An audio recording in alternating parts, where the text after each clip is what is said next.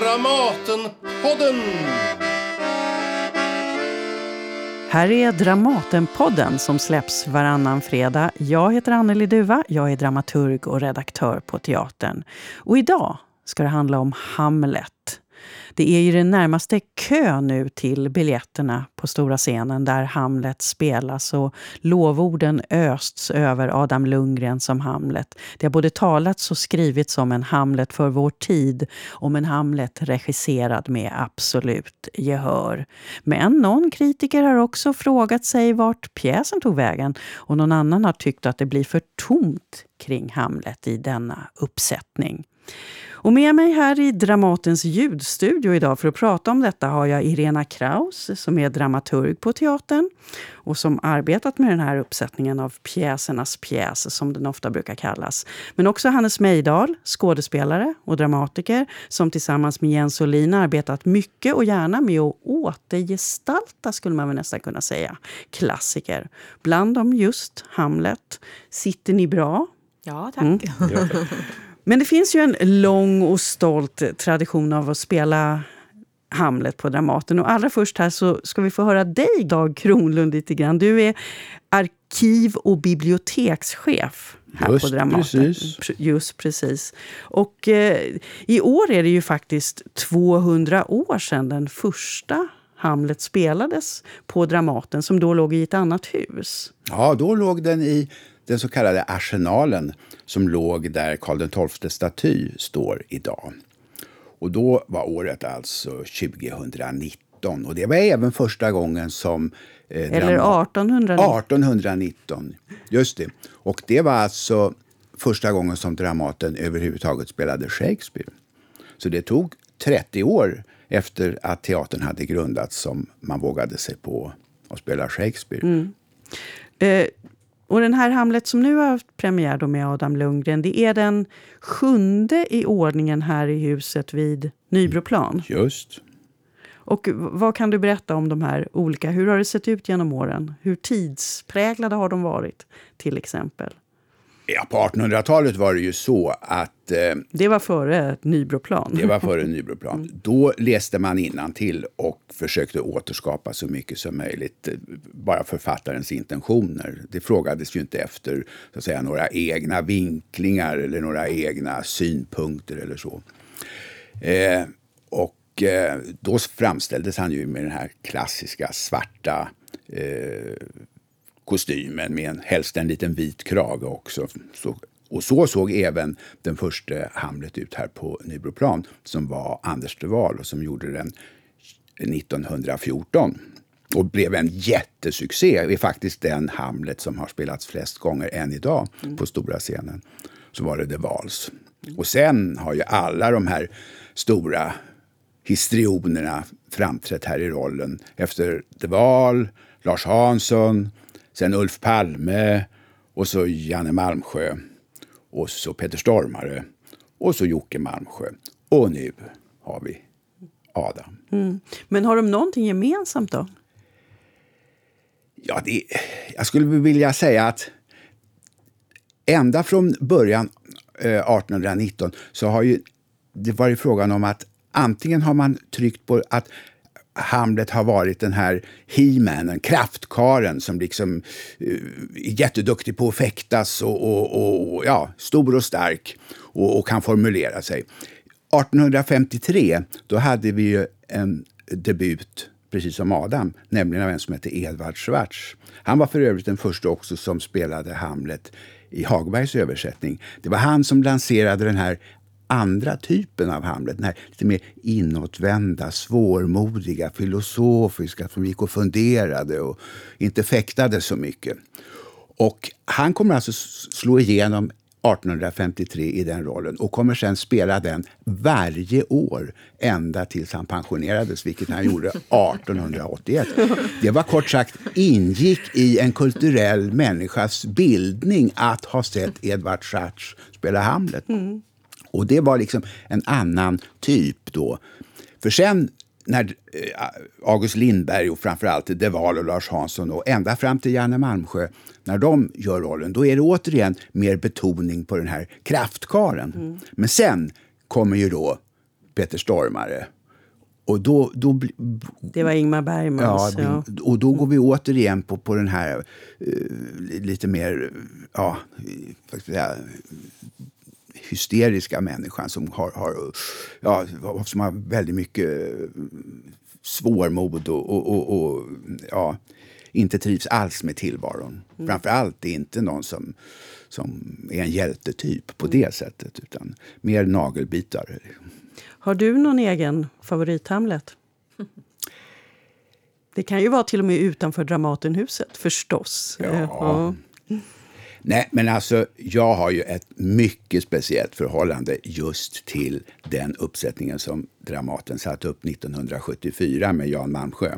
Och det beror på det att om den, den uppsättningen skrev jag ju min trebetygsuppsats om. Så där satt jag med på alla repetitioner och fick se de här stora, se Georg Rydeberg när han var kungen till exempel, och dag efter dag. Och, och, så att på det sättet, jag tyckte nämligen när jag började läsa Hamlet första gången, oj, den där var alla dör på slutet och det här var upp långtravande och inte så kul. Men sen under den här perioden då, då fick jag liksom tränga in i pjäsen och lärde mig. Jag lärde mig att det här är faktiskt en fantastisk pjäs. Mm.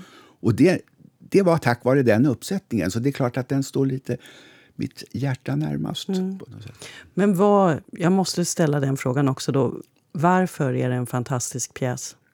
Om du skulle beskriva det. När jag såg den så, som vi nu spelar så, så, upplevde jag precis på samma sätt som jag, när jag har sett Strindbergs Ett drömspel. Man bara, man bara kapitulerar för att det är så välskrivet och att det är så såna dimensioner i texten. Så man känner bara att det här är ju så jäkla häftigt. Alltså. Mm är, det, sån stark text. Jag säger tack till dig Dag Kronlund, för du måste springa vidare. Ja. ja. Och så vänder jag mig till Hannes Meidal och Irena Kraus och börjar med att fråga er. Alltså, vad, vad, vad är Hamlet? Vem är Hamlet för er? Hannes Meidal. Ja. För mig personligen, då, efter att ha jobbat med den version som Jens Olin och jag gjorde, som jag spelade, för oss så blev Hamlet en intellektuell och en humanist. Den som, som tror på vikten av minne i en tid när ingen längre är så intresserad av historien. Så han är en bärare av minnet, men han är också den som står handfallen i en tid när inte längre någon är intresserad av minnet eller frågar om historien. Och han vet inte hur han ska försvara den gemensamma värdegrunden som han är uppvuxen med och alltid har tagit för given. Det finns i hans system, men han har aldrig behövt försvara den. Och då så står, inser han att han står handfallen när de här gamla värdena som han tror på inte längre gäller. Mm. Så det var vår ingång i Hamlet-figuren. det kommer vi säkert prata mer om, men, men, men så mycket i Shakespeares originaltext handlar ju om handlar ju om allt, men skammen finns ju med som en stark faktor. Alltså att det, det är genom då far, farbroderns skam ska komma fram i teatern i teatern och mm. han ställer, ställer Gertrud, sin mor, till svars. Hon ska skämmas för de svarta fläckarna när, när han ställer henne till svars. I vår föreställning så funkar inget av det, det är ingen som skäms. Och sant och falskt finns inte längre och då så att, att det, det, blev vår ingång, det vi kände, själva kände är så svårt i vår tid. När mm. man ska försvara det som man inte har behövt försvara. Men innan dess, innan ni började arbeta med den, vad hade du för förhållande till Hamlet då? Det var nog mycket, mycket det som, som eh, Dag var inne på. Alltså en slags, han är ju en, som roll en ikon för hela teatern. Liksom man, jag tror att de, en av de få, Hamlet är en av de få urberättelser vi har som nästan alla känner till och har ett förhållande till, även om man aldrig har sett pjäsen, än mindre läst den. Så redan mina barn på dagis liksom, fanns där att vara eller inte vara. Det finns en bild av en dödskalle när jag pratade med dem om föreställningen sa de det är som i Lejonkungen, den, den är så nedärvd den här berättelsen. Så, så det hade jag och sen vill man ägna sig åt teater finns såklart har man en bild, hur skulle man själv göra Hamlet, apropå det jag sa, är det mm. den, den fäktande he eller är det en tvivlare? Och sen när man läst om den i teaterhistorien inser man att det är så bra lackmustest på att varje tid har sin Hamlet. Mm. Irena Kraus, vad säger du? Vem har Hamlet varit för dig? ja, vad roligt att du nämnde Lejonkungen. vi sa faktiskt det när vi repeterade någon scen eh, när vi plötsligt sa men det här är ju precis som i Lejonkungen. Ja. Eh, nej men Hamlet, eh, jag har ju arbetat med Hamlet det här är faktiskt andra gången då som jag arbetar med Hamlet. Så Eh, det har varit lite på lite olika sätt. Eh, men om jag börjar med den Hamlet som jag gjorde för ja, det är nästan tio år sedan tror jag, minst, på Unga Dramaten. Där hade vi ju en eh, idé, jag och eh, Agneta Ehrensvärd som regisserade. Agneta hade tagit fasta på att hon hörde hon hörde att, eh, att någon av Olof Palmes söner befann sig någonstans ute i världen på någon lång resa när han nåddes av budet att hans far hade dött. Och då skrev jag till en prolog, en epilog, eller jag omdiktade väl Hamlet då. Och sen eh, i vår version där så var Hamlet en ung man som var på en lång resa och han befinner sig på en flygplats när han nås av det här budet det var väldigt roligt att arbeta med den föreställningen därför att vi gjorde ju den för en ung publik och då vet man precis vad man skjuter mot så att säga. Så att, eh, ja. Mm. Den, eller den Hamlet som jag och Sofia Jupiter har arbetat med, där har vi ju verkligen mer använt eh, originalpjäsen. Och eh, här hos oss är väl Hamlet, eh, Hamlet är Eh, en ung man i en familj som, eh, som är... Det var intressant det du sa om ehm, recensionerna här i början att det, är väldigt, att det är tomt kring honom. För att det är ju tomt kring Hamlet. Han har ju egentligen ingen att vända sig till. Och den enda som han verkligen kan vända sig till kanske som han haft någonting tillsammans med är Ofelia. Och, um, hon det, det, går ju sönder mellan mm. dem också.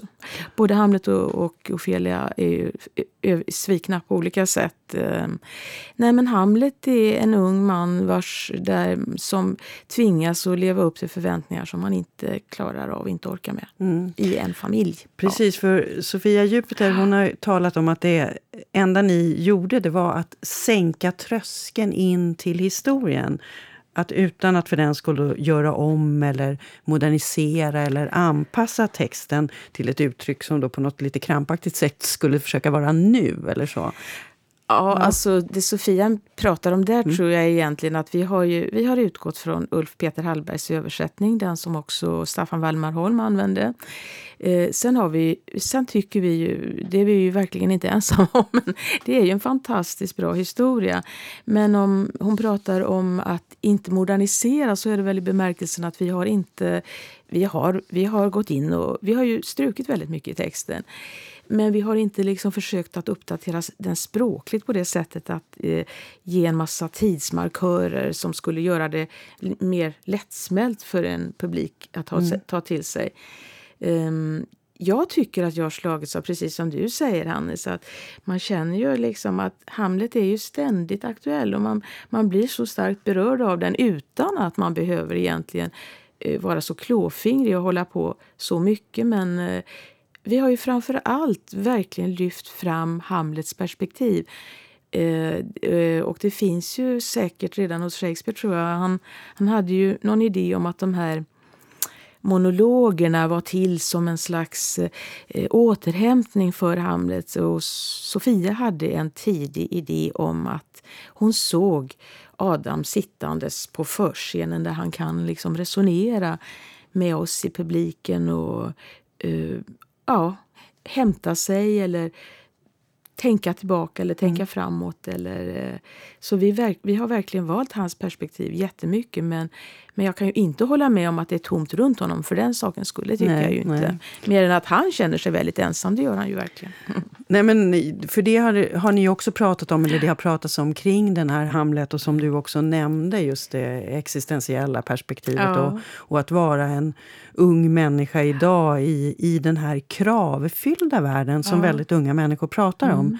som de särskilt upplever. Mm. Eh, men eh, då har vi också den andra unga människan. Ja, eh, så, ja. Som är Ofelia. Och, och regiassistenten Julia Hackman hon har skrivit i programmet mm. väldigt fint om hur hon ser Ofelia som en arvtagare i rak linje från Marie Antoinette, Elizabeth mm. Barrett Browning, Edith Södergran och Amy Winehouse. Mm. Var det där någonting som ni pratade om? Eller hur var synen på Ofelia? Var den annorlunda nu? Det var ju ändå en kvinnlig regissör. Det har ju också uppmärksammats att Sofia är den första mm. kvinnan som mm. sätter upp Hamlet mm. på Dramaten. Ja, men vi har ju varit väldigt, väldigt varsamma om de här kvinnorollerna, verkligen därför att det finns ju så lite utrymme för dem i pjäsen på ett sätt. Så att om vi har strukit kraftigt för övrigt i texten så har vi faktiskt inte kortat med ett kommatecken, varken för Ofelia eller Gertrud. Men jag, jag tycker Julias artikel här i, i programbladet är jätterolig att läsa och ger jättemycket perspektiv. Vi tänkte kanske mer på Ofelia på samma sätt som på Hamlet. Att hon är lika övergiven och pressad i sin familjesituation som han är. Och eh, den här scenen när hon verkligen går sönder Ofelia och är det om hon nu blir galen då. Eh, jag, man kan tolka den på tusen olika sätt säkert. Jag tolkar den som att det som verkligen får henne att helt brista det är, det är ju pappans död. Mm. Och på det sättet tycker jag att de är två motpoler. De har samma historia fast från olika perspektiv. Mm. Um, ja, något sånt. Det, och det är Karin Frans Körloff mm, som gör ja. Ofelia, ska vi säga också. Det är ju väldigt visuellt genomfört, om ja. vi stannar kvar här i den ja. aktuella uppsättningen lite grann. Alltså, Erlend Birkelands scenografi är en trappa mm. som går över hela scenens bredd. Mm. Allt spel i princip försiggår i mm. den här trappan. Och så är det Ellen Ruges ljus och mm. Mikael Breskis musik och Maria Gebers då, samtida kostymer som verkligen är kostymer. Många av dem grå dessutom om. Per Svensson i Dagens Nyheter skrev i sin recension så gjorde han en koppling till tysk teater och menade att det här var väldigt svenskt. För mig är det väldigt tyskt med en massa grå kostymer. ja, det, ja, vi har väl tänkt, eh, nej men vi har väl tänkt att vi, vi har velat göra den eh, Alltså, vi, vi pratade om att lägga det i någon slags 30-tal men ändå inte liksom tidsbestämma det sådär riktigt specifikt. Utan, eh, nej, ja, vi har inte tänkt tysk teater heller. Jag tycker däremot det första du pratar om, mm. det kan jag verkligen hålla med om. För mm. att eh, Det som har varit väldigt roligt i det här arbetet det är ju att vi alla har på något sätt andats med en röst tycker jag. Alltså, jag menar bearbetningen som vi har gjort den är ju väldigt minimalistisk. Och eh, rummet är väldigt eh, estetiskt och sparsamt. Eh, precis allting som du säger, mm. det är ju väldigt utvalt allting. Och för mig, jag såg Sofias uppsättning av Rigoletto. Som hon, ju, hon kom ju direkt från de repetitionerna till um, på operan här på i Stockholm. Operan här i Stockholm mm. till, till Hamlet. Vi hade då hållit på länge med vår bearbetning, Sofia och jag. Men eh, jag tycker att det har någonting, det har en ton av den produktionen. Alltså det, det är som ett... Eh, jag tycker att vår bearbetning, bearbetningen är som ett partitur på något mm. sätt. Och det är sällan man känner det där tycker jag, när allting arbetar åt samma håll. Och mm. det, det, har varit väldigt kul. Mm. Och det var väl det jag sa till dig tror jag, eller det ja. som var det, det jag tänkte mest på med den här uppsättningen. Att den är väldigt, väldigt konsekvent. Mm. Alltså väldigt genomförd mm. i, i alla delar. Att det finns, den har ett språk ja, på ett väldigt tydligt sätt. Mm. Vi kan återkomma mm. lite till den Absolut. också. Men jag tänkte Hannes Meidal, om jag vänder mig tillbaka till dig. När du då tillsammans med Jens Olin, när ni gjorde er Hamlet. Det var ju en samproduktion mellan Teater Galeasen och, och Dramaten. Den blev ju oerhört hyllad. Den, kommer också, den har blivit utvald till scenkonstbiennalen senare i vår. Och, men hur kändes det till en början det här, även om ni har jobbat mycket med klassiker, att just ge sig på Shakespeare? Alltså att, att något, på något sätt använda Shakespeare det kändes väldigt magstarkt att jag minns, vi skulle liksom skriva först en Hamlet av Jens Olin och Hannes Mejdal länge, länge bytte vi titel så hette Hamlet istället för att det skulle bli något mindre anspråksfullt. Men, men vi, vi började ju med en läsning av Shakespeares Hamlet och så skulle vi liksom plockade vi in sånt som intresserade oss. Sen märkte vi att pjäsen skrev sig själv sen. Det blev annat vi intresserade oss av, inspirerat av Shakespeare. Det blev svårt att ha ha med någonting utan att det blev citat. Mm. Så liksom vi, men vi använde ju hans språkvärld framför allt, skrev det konsekvent på blankvers. Och att Sen gjorde vi Faust här också på blankvers, men det var första gången som vi skrivit på vers. Och att, att få klä sig i den språkdräkten gav en oerhörd mersmak. För att det, tankar låter så... De får någon slags evig klang när det mm. plötsligt går, går, går, fram på blankvers. Och att, att förhålla sig då dels till berättelsen som Irena säger, en, den, det finns en sån kraft i det, den pumpar på ändå. Förväntningarna som jag var inne på också, att, att hur den här scenen ska gestalta sig. Ham, Hamlet sitter där, han ska ställa mamman till, till svars och sen så, han, han bär, vår, vår Hamlet bär så att säga Shakespeares Hamlets förväntningar på hur den där scenen ska gestalta sig. Men så, och hon börjar spela den så, mamman också, men så säger hon efter ett tag, nej, vet du vad Hamlet? För första gången i mitt liv är jag lycklig. Äntligen så får jag får jag vara fri från förväntningarna som du och den gamle kungen hade på mig. Och jag kände mig dum inför er moraliska överlägsenhet. Och, så vi använde absolut Shakespeare som en, både som en dramaturgisk motor och som en ingång i, i språket. Och det enda vi egentligen har med från Shakespeare, det är ju det här ur, ur led i tiden som kanske är den allra mest kända, mm. som väl varje tid såklart har upplevt att man är ur led och det är väl snart sex decennier, som, decennier sedan som Jan Kotten, polske litteraturhistorikern, då talade om Shakespeare som vår samtida. Men, men jag inbillar mig kanske självupptaget i min egen tid att vi just nu lever i en tid som verkligen, verkligen är ur led. Det är så mycket som bara som mitt korta spann, jag är snart 40, att det är sånt som vi tagit för givet inte längre är det. Hela världsordningen står och, mm. står och ruckar.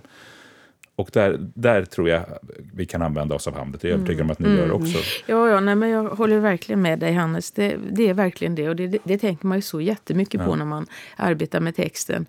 Både det och eh, sen finns det ju den scenen, urscenen i Hamlet som du ju nämner där.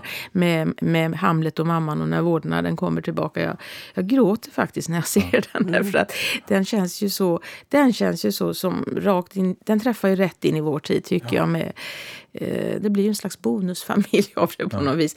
Alla har ju inte någon som har mördat den andra föräldern i familjen. Men det blir ju hennes perspektiv tycker jag. Till, eh, Therese Brunander skulle jag säga, men jag menar Gertruds perspektiv blir så intressant därför att från att ha varit eh, hela, hon, har, hon gör ju sig så otillgänglig för Hamlet så är det ju den första och enda stunden tycker jag hela pjäsen som man känner att hon, det, vad de två har haft tillsammans, hon och Hamlet helt mm. enkelt. Mycket mer än vad det handlar om hennes förhållande till Claudius. Och det är nästan jag, bara den scenen Gertrud har som ja, är, är något i är det så, också. Dessutom är det ju verkligen så. Ja.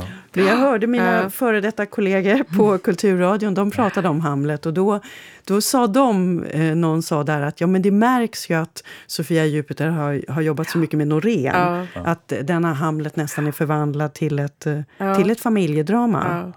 Hon, jag, jag har ju gjort en intervju här med Sofia mm. i programmet och eh, det fanns lite mer material där. Och eh, Sofia ville inte riktigt att vi skulle flagga för för många saker innan. Men där säger hon, och det kan vi ju säga nu då, ja. att, eh, nej, men där säger hon ju just, talar hon om sitt släktskap med Norén, med Jon Fosse och, och så. Och det är klart att de arbetena hon har gjort, de har naturligtvis färgat av sig i väldigt hög grad på det här. Mm. Absolut. Och det är intressant för Lars Norén satte ju själv upp Hamlet på mm. Gotland för ja. några år sedan med David Densik i titelrollen då, som jag såg och, och recenserade. Och då vet jag att jag tittade på det nu, vad jag hade mm. skrivit. Mm. Och då var det ju just då upplevde jag ju att det då blev ett familjedrama. Ja. Alltså att när han hade tagit sig an så blev det den konflikten som stod i centrum och att det var familjen som han var intresserad mm. av. Så det är ju fina cirklar som, ja, som snurrar här. Men det här är ju då ett så rikt drama, det är ju det som är poängen, att mm. man just kan göra så många tolkningar och välja så många spår. Ni, Johannes, du och Jens, ni, hos er blev den ju väldigt politisk. Alltså ja. ni hade ju, Claudius var ju en Trump-gestalt faktiskt. Även om man kan diskutera hur tydligt man skulle se det. Men ja. det gick i alla fall att läsa den på det ja. sättet. Och du pratade ju om det här i början. Ni ville väl också ändå vara Ja, det ville vi. Men, men, vi lever ju också, man säger plattityder, men i en sån teatral tid. En, en, figur som Trump tror jag inte ens Shakespeare hade kunnat mm. övertrumfa på något vis. Att det, det blev svårigheten. Vi började ju skriva långt innan Trump blev vald till president, innan Brexit var ett faktum, alltså med en slags känsla av att nu, nu händer det saker som vi inte trodde var möjliga för bara en tid sedan. Och sen händer de medan vi skriver. Så för oss blev det ju, just i porträttet av Claudius fick vi ju sudda att det, det, han, han, kommer in och säger i sitt första tal idag är en historisk dag för Danmark. På vilket vis den är historisk det ber jag att få återkomma till, men historisk är den oerhört historisk. Mm. Och det är ju precis det Trump då säger i sitt första... Det, det där kunde vi inte riktigt ha med. Det gick inte, och liksom, han fick inte se ut på ett visst sätt för att det skulle bli just för, för direkt avläsbart. Men det som intresserade oss mycket med, med den figuren det är just Gertruds attraktion inför det låga. Att det är, alltså, vad är det inför det här skamlösa som någon som tidigare då har levt med, den, med Hamlets far, den gamle kungen, han som stod för allt som är motsatsen till den nya kungen. Vad är det hon ser hos honom? Och det, det, tyckte jag mig kunna begripa, alltså någonstans det här att det, det, är någon som är ärlig, som påstår sig vara ärlig. Tidigare var det alltid en diskrepans mellan de här höga idealen som vi alla har levt efter, så levde de inte riktigt så. Och det var mycket ord. Hamlet är ju också bara ord, ord, ord, ord. Mm. Och så är det någon som faktiskt agerar och säger precis vad han tycker, hur lågt det än är. Och det där, nej men det, det, det, var något i det som jag fick, fick syn på mm. psykologiskt mm. via de här liksom, mm. uråldriga teatrala mekanismerna. Mm. Vad har ni, hur har ni resonerat kring er Claudius-gestalt? Det är Gerhard Hoberstorfer som gör den rollen. Ja, det har ju varit en resa där tror jag för Gerhard. Det är synd att han inte är här och mm. kan prata om det där mm. själv kanske. Men uh, ja, nej, men han, jag tror, uh, nej, men han är ju naturligtvis en maktfaktor, verkligen. Det är väl mer, vi har väl mer diskuterat kanske i vilken utsträckning man ska, hur mycket han ska flagga för. Nej, jag vet inte riktigt. Nej. Det har varit spännande att följa Gerhards skådespelararbete tycker jag, därför att han eh, från början fanns det mycket mer av psykologiska, liksom, han, han prövade på lite olika håll sådär. Nej, jag skulle vilja säga någonting om Gertrud istället ja, tror jag. Ja. Därför mm, att jag mm. tycker att det finns ju väldigt lite saker att ta fasta på eh, om man söker i hur mycket vet hon egentligen och hur mycket har hon drivits av sina eh, känslor. Men det finns ju faktiskt en replik där hon säger, där hon säger till Polonius, tror jag, om Hamlet om hon frågar sig om det är vårt alltför snabba bröllop. Och det där pratade jag och Therese en del om. Mm. Att det var en sak som man faktiskt skulle kunna... Det är ju ändå ett ögonblick av eh, reflektion definitivt. Men eh, jag tycker det, det, är en intressant problematik i det, mm. hur som helst. Hur mycket vet Gertrud? Mm. Det är svårt också att spela rollen som att jo men det där visste hon, det skulle vara mindre intressant tror jag. Men, men det finns ju så oändligt mycket att forsk, utforska i pjäsen och det tycker jag verkligen har slagit en när man har jobbat med den. Att varenda repetition jag har suttit på så har jag fått nya insikter faktiskt och tänkt nej men det är ju det det handlar om, det är ju det det handlar om. Mm. Men eh, det är, en, det är inte för inte det är klassikernas mm. klassiker. Mm. Och man ställs hela tiden inför val där varje ja. icke-val också blir ett val. Exakt ja, så är det. Precis så är det verkligen. Och det är Therese Brunander som gör Gertrud. Och det är roligt att du mm. nämner, för jag det var ett av de ögonblick som jag verkligen tänkte på i den här uppsättningen. Just för att det fanns en, en sorts ambivalens, en öppenhet där som man inte ofta kanske har sett hos Gertrud. Att, att man kun, jag kunde känna att oj, hon, hon funderar själv mm. över det här. Det, det, här. det här är kval. Ja, verkligen. Även ja. för henne. Ja, det ja. har vi pratat mycket om faktiskt. Ja, jag förstår. Mm. Men sen nämnde ni ju här, eh, du mm. nämnde ord, ord, ord. Ja. Det är ju en av de kända replikerna. Och just den går ju inte riktigt att skriva om kanske. Den är en som hänger kvar. Men annars är det ju i Ulf Peter Hallbergs översättning, mm. som är jätte, jättefin, så det handlar inte om någon kritik, men då kommer ju eftertankens kranka blekhet. Det heter istället eh, det grå... Um hudens grå... Någonting med... så går... Nej men gud. Ja, så går beslutsamhetens titta. hy i... Hos Hagberg är det beslutsamhetens friska hy i ja, eftertankens ja, kranka blekhet. Ja, ja, men precis, ja, ja. Och ja. samma den här tänkte jag också på, uppflyga orden, mm. tanken stilla stå. Mm. Eh, och här är det istället uppflyga orden och sen tang... Eh, ja, du, ja, jag trodde att de satt. Nej, det gör de inte. Nej, men problemet... Eller problem, det är mm. inget problem. utan... Eh, jag menar, Peters, mm. Ulf Peter Hallbergs översättning har ju spelats... Eh, eh, jag vet inte om det, det är kanske andra gången trots allt. Ehm, men det som översättare måste det vara ett väldigt dilemma att slåss med faktiskt. Att, att det är så bevingade ord hela mm. vägen. Mm. Men han har ju lagt en modern språkdräkt som som känns väldigt... Mm. Mm. Ja, jag, vet, jag, har inte mycket att säga om det här faktiskt. Nej. jag funderar på, på det. man ju över när man ja. talar med eh, engelska och amerikanska kollegor, den här ja. lyxen som vi tar för given, att vi alltid klär Shakespeare i ett, ja. i ett mo modernt språk, eller ett valt språk. Ja, de har att hantera, eller har att hantera också lyxen att ha originalspråket, men vi, det här blir ju var, varje översättning också ett val. Mm. Det blir det verkligen. Och, det, och det, det, vi har ju faktiskt haft originalet med oss väldigt långt in i arbetet och suttit och jämfört. Det är ju så extremt svårt att få med alla de här valörerna verkligen i, i den engelska mm. texten. Eh, men eh, så det är väl det är, det är också inspirerande att ha den engelska texten vid sidan. Men jag tycker att Ulf Peter har ju, har ju tycker jag, hittat ett modernt språk utan att för den skull vara trivialisera någonting. Mm. Nej, Verkligen inte. Nej. Nej, men det är, jag minns att jag intervjuade John Caird, eh, den engelska regissören ja. som just har gjort flera Shakespeare-uppsättningar mm. här på Dramaten. Mm. Och han pratade om det där som du nämnde, ja. då, Hannes, att, att han ju kände avund mm. Eh, även inför eh, oss, i, eller de som inte har engelskan då, som, som modersmål eller behöver. För att de, de sitter ju där, där de sitter. Det är deras fantastiska Shakespeare, men de mm. kan inte heller riktigt leka med honom. För nej, nej, precis. I, I alla fall inte i orden. Så det är klart att det är en möjlighet. Nej, men jag tycker det är bara... Eh, jag ville ta upp de här för att jag tycker att det är roligt när ja. man för att man har vissa och alla kan ju ha olika översättningar som har fastnat hos dem. Nej, men jag, jag kan ju säga en ja. sak och det är mm. lite hemskt kanske att säga. men just de här bevingade orden mm. som du tar upp. Mm. Det värsta är ju att, att det sitter så stenhårt i en själv de här gamla översättningarna som man en gång har hört så att mm. man studsar faktiskt ibland. Det är mm. ju så faktiskt. Man får kämpa för det där att få in en ny språkdräkt, så mm. skulle jag säga. Men apropå det, om vi då ska ta och avrunda det här mm. samtalet eh, lite grann. Har ni just någon, sån, någon replik eller någonting som ni, som ni tycker skulle vara fint att avsluta med här idag?